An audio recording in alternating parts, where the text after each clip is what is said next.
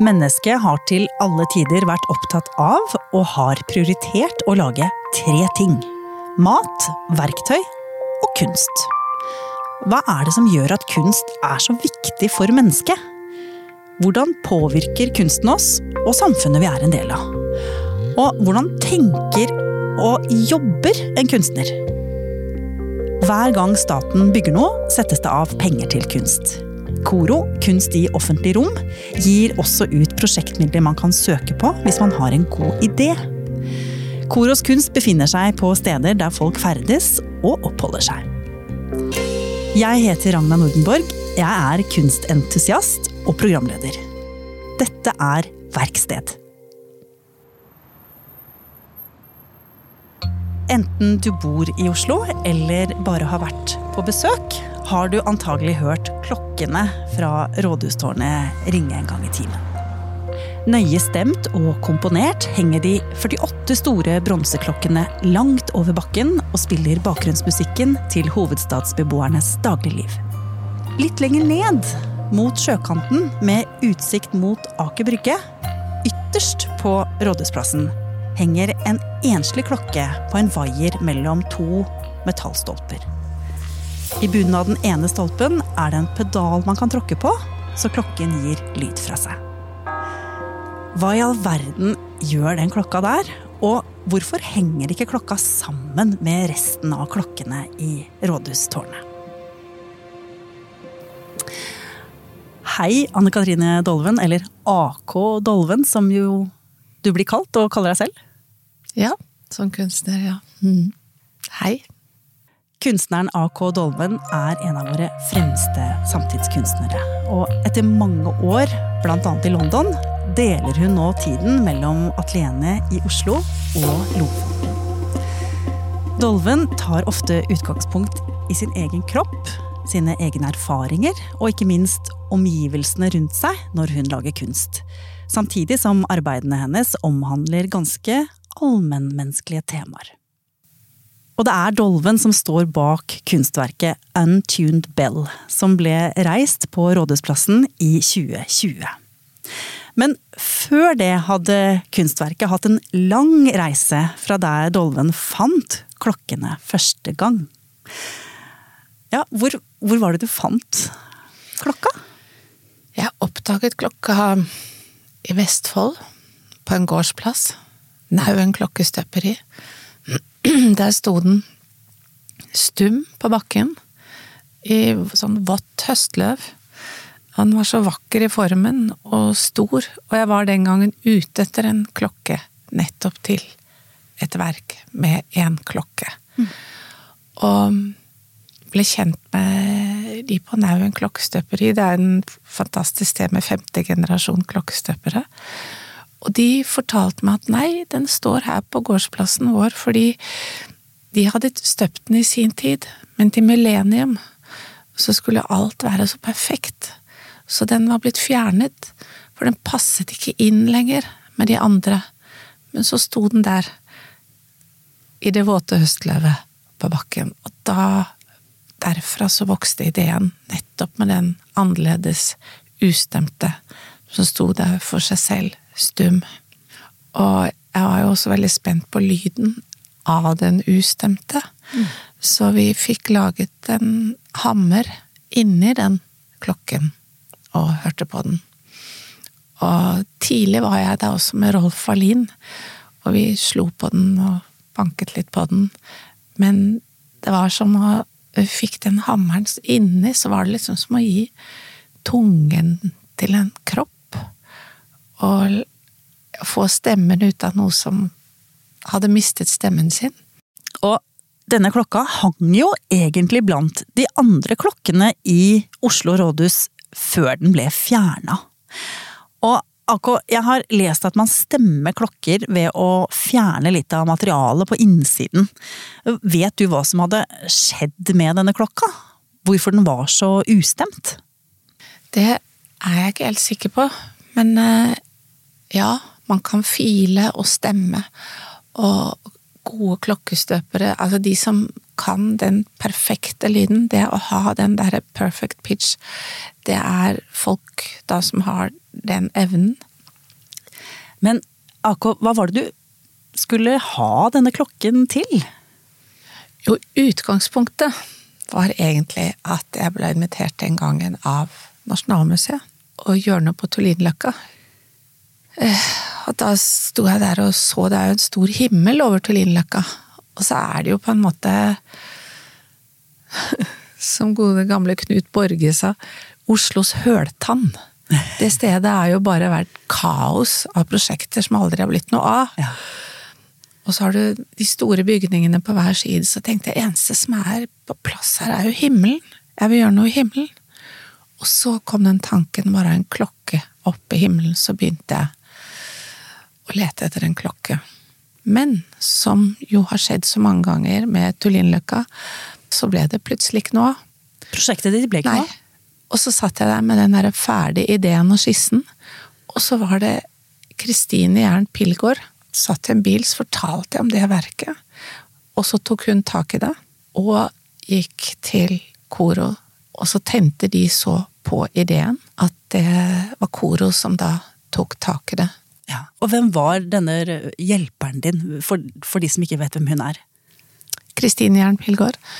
Hun er en eh, kurator i dag, dette er jo en del år siden, men hun skal ha stor takk for at hun bare tente på den ville ideen, skjønte den med en gang, den ustemte, den annerledes, få den opp. Så da var vi et eh, lite team, og Koro stilte opp og fikk den opp midlertidig. Fordi eh, først og fremst så var det sånn veldig vanskelig å få tillatelse til å gjøre noe med lyd i byen. Så det var en interessant reise å få den tillatelsen. Men vi fikk det til, men kun for tre måneder. Og den 6. februar 2010, på samenes nasjonaldag, så kunne Oslos befolkning og tilreisende ta inn dette verket, for da kom det opp. Ja, det var en kald vinterdag. Det var åpning på Tullinløkka. Og da hadde Rolf Wallin laget et verk som faktisk var eh, Han startet med én klokke, flere klokker Altså, de klokkene i rådhuset ønsker den ustemte velkommen. Det må du forklare. Det var en komposisjon som faktisk gikk over en uke i rådhuset. Det bygget seg opp til å bli ett stykke. Og vi hadde det sendt på radio, så den kunne høres over hele Norge. Så kom det plutselig i midten av noe annet noen klokker som ringte. Én klokke, og så ble det flere, og så ble det flere, og så ble det flere. Og på selve åpningen på Tullinløkka den dagen, så ble hele stykket spilt. Jeg husker ikke akkurat hvor langt det er, la oss si det er en rundt ti minutter. Og da var det sånn langt borte man kunne høre faktisk klokken i rådhuset på Tullinløkka. Og så gikk jeg bort og svarte, så de ønsket den annerledes velkommen.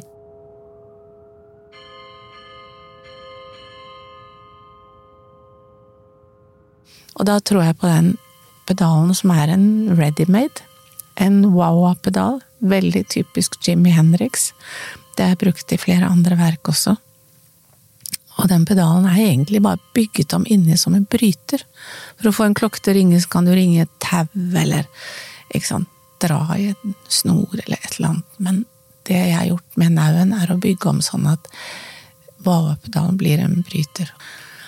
Og den den er en viktig del av hele verket. Crybaby. Var det flere som våget seg bort og ble med? Ja, etterpå så tror folk det er mye, og vi var veldig Skulle det bare være lov å, at den spilte mellom klokken da og klokken da, var masse frem og tilbake, masse styr, for du kunne ha en timer. Og det var en boks på Løkka der hvor det var en timer på en computer jeg hadde nøkkel til den boksen. Så det man ikke egentlig vet, er at de siste dagene eller siste uka så skrudde jeg av den timeren. Bare for å se hvordan det fungerte døgnet rundt. Og det var vinter, og jeg lånte min mors gamle pelskåpe og var ute. Lå der en hel natt for å se. Og det var veldig fint å se hvordan folk hadde gikk innom der bare for å høre den ene lyden på vei hjem. Og Tullinløkka, det er jo en plass for folk krysse på, på kryss og tvers. Og jeg, klokka hang akkurat der på det punktet hvor stiene krysset hverandre mye. Så det var spor av mennesker som gjorde at den hang akkurat over der. Og for å få til dette her, så hadde du jo også fått støtte fra Koro. Og du har jo selv sagt at du liker veldig godt at kunsten din er nettopp i det offentlige rom. Og hvorfor er det så viktig for deg? Det er jo altså, Kunst er også fint i et gallerirom, museum, privat, men det er jo klart, når du får et verk til å fungere der hvor hvem som helst kan, kan ha glede av det, er jo en helt spesiell opplevelse. Til og med det er et maleri, så har jeg ikke ramme på det, for det, liksom, det handler Verkene mine handler også om verden utenfor selve verket. Og det kjennes at eh, det verket gjør, og når man jobber med kunst i det offentlige rom, så handler det om noe mer enn selve verket. Mm. Og hva er, det som, hva er det da det gjør med kunsten? Altså, får kunsten mer betydning? Jeg vet ikke, men å jobbe med å være kunstner for meg er jo å være opptatt av den verden jeg lever i. Men jeg tror folk har veldig sånn personlig forhold til akkurat klokkelyd. Jeg har opplevd det. At det kan være noen som grøsser, nesten, ved, ved, ved tanke på en klokkelyd, og at de tenker på at de alltid er for seint ute. ja, det kan være det, ja, men eh, eh, Faktisk så kom jeg fra Venezia for noen timer siden. Og i går kveld og kvelden før så var det en, en stor plass der vi spiste uh, pizzas rundt sekstiden. Og da er det tre kirker i nærheten der som har noen av flere klokker, noen av færre, men så begynner de å ringe sammen, alle de tre. Og på den plassen så sitter det masse folk og spiser, ikke sant, og har sånn i alle aldre. Det var så fint, rommet med den De sto ikke de er ganske stort langt fra hverandre, de til klokken, men da begynte de å holde på med sitt. Det var så fint. Men AK, en dag så tok jo dette eventyret slutt. Eh, klokka skulle ned, den, for det var midlertidig? Hvis jeg husker rett, så tror jeg vi liksom hadde fått lov til å ha den i tre måneder. Mm. Uh, og det var det. Men det var jo veldig modig av Koro, og det kostet jo også mye å få de sølvene. Vi tok imot de midt på natta, 20 meter gjennom byen. ikke sant? Svære jernsøyler på trailer. Jeg tror de kommer fra Finland. Det var et kjempemodig prosjekt av Men, Koro.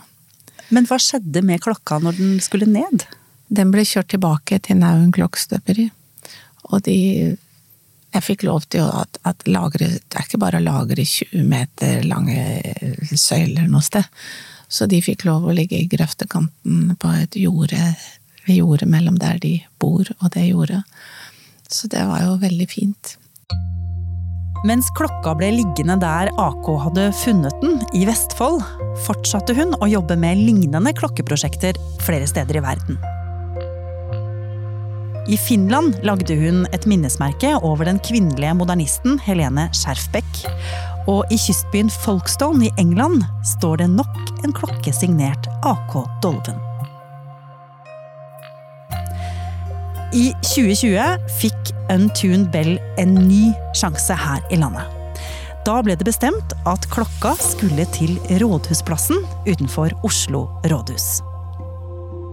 Rådhuset ble i sin tid bygget som et samlingssted for byens borgere, og står fortsatt som et symbol for fellesskapet. Kunsten fikk en sentral rolle da rådhuset ble bygget, og alle offentlige rom innendørs, fasader, plasser rundt bygget er rikt utsmykket.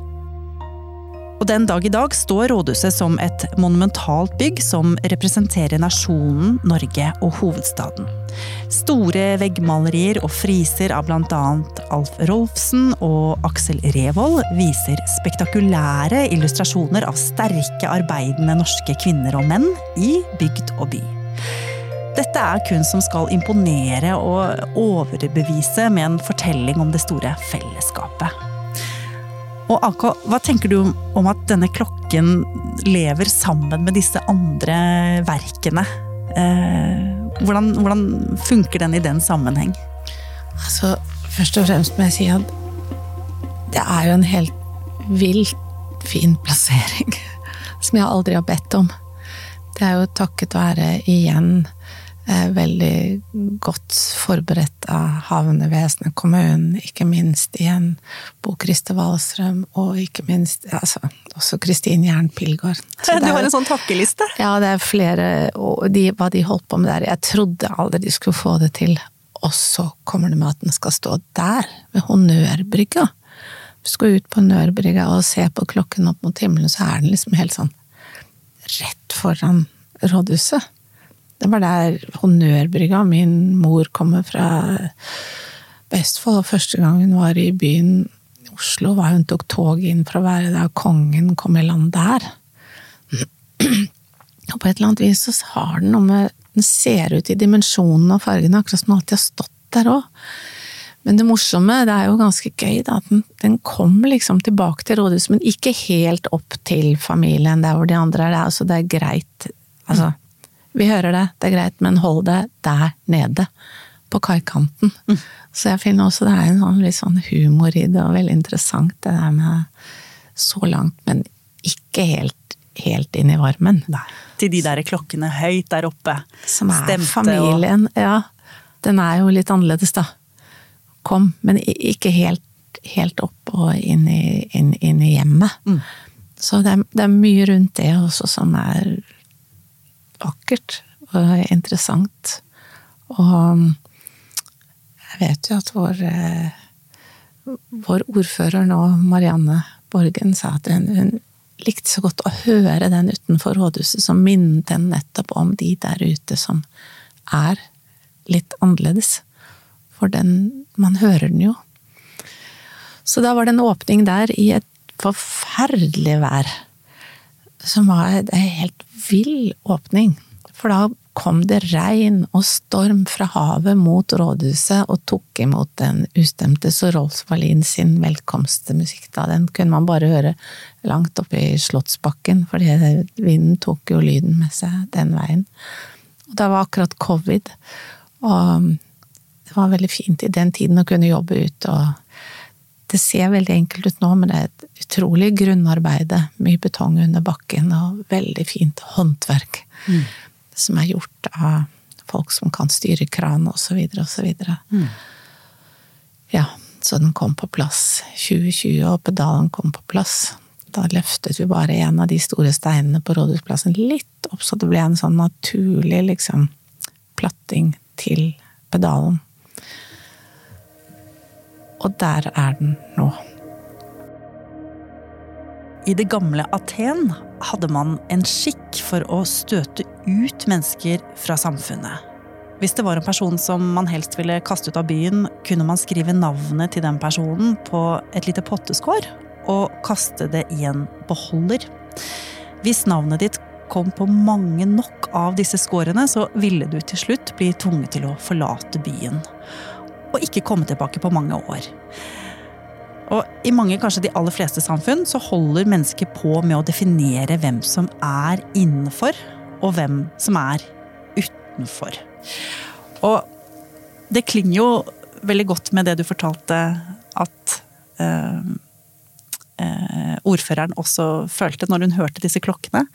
Eh, dette med de ustemte klokkene blant oss, hva legger du i det? Um, ja, være annerledes, ikke sant. Altså det at du Alene er du jo vakker. Du skal sammenligne det. Hvordan du skal se ut fra alt fra hvordan hud og hår du skal ha, hvordan du skal være, hva du skal tenke, men alene er vi jo alle nok. Det er jo en veldig enkel filosofi og enkel tanke, men jeg syns at det, det ligger i det verket. Mm. Tusen takk for at du kom, AK, og lykke til videre med både klokka og andre ting i ditt kunstnerskap. Også, og som jeg har pleid å si, og som jeg sier til deg også, også lykke til med livet generelt. Takk i like måte. Takk. Denne podkasten er produsert av Feelgood Scene Film og TV for Koro og er laget av Anna Katarina Haukeland, Pernille Skar Nordby, Åsne Jukse fra Koro, Anne Gerd Grimsby Haarr hos Filt og meg, Ragna Nordenborg. Episoden er klippet av Martin By. Produsent er Miriam Ofsdal Berg.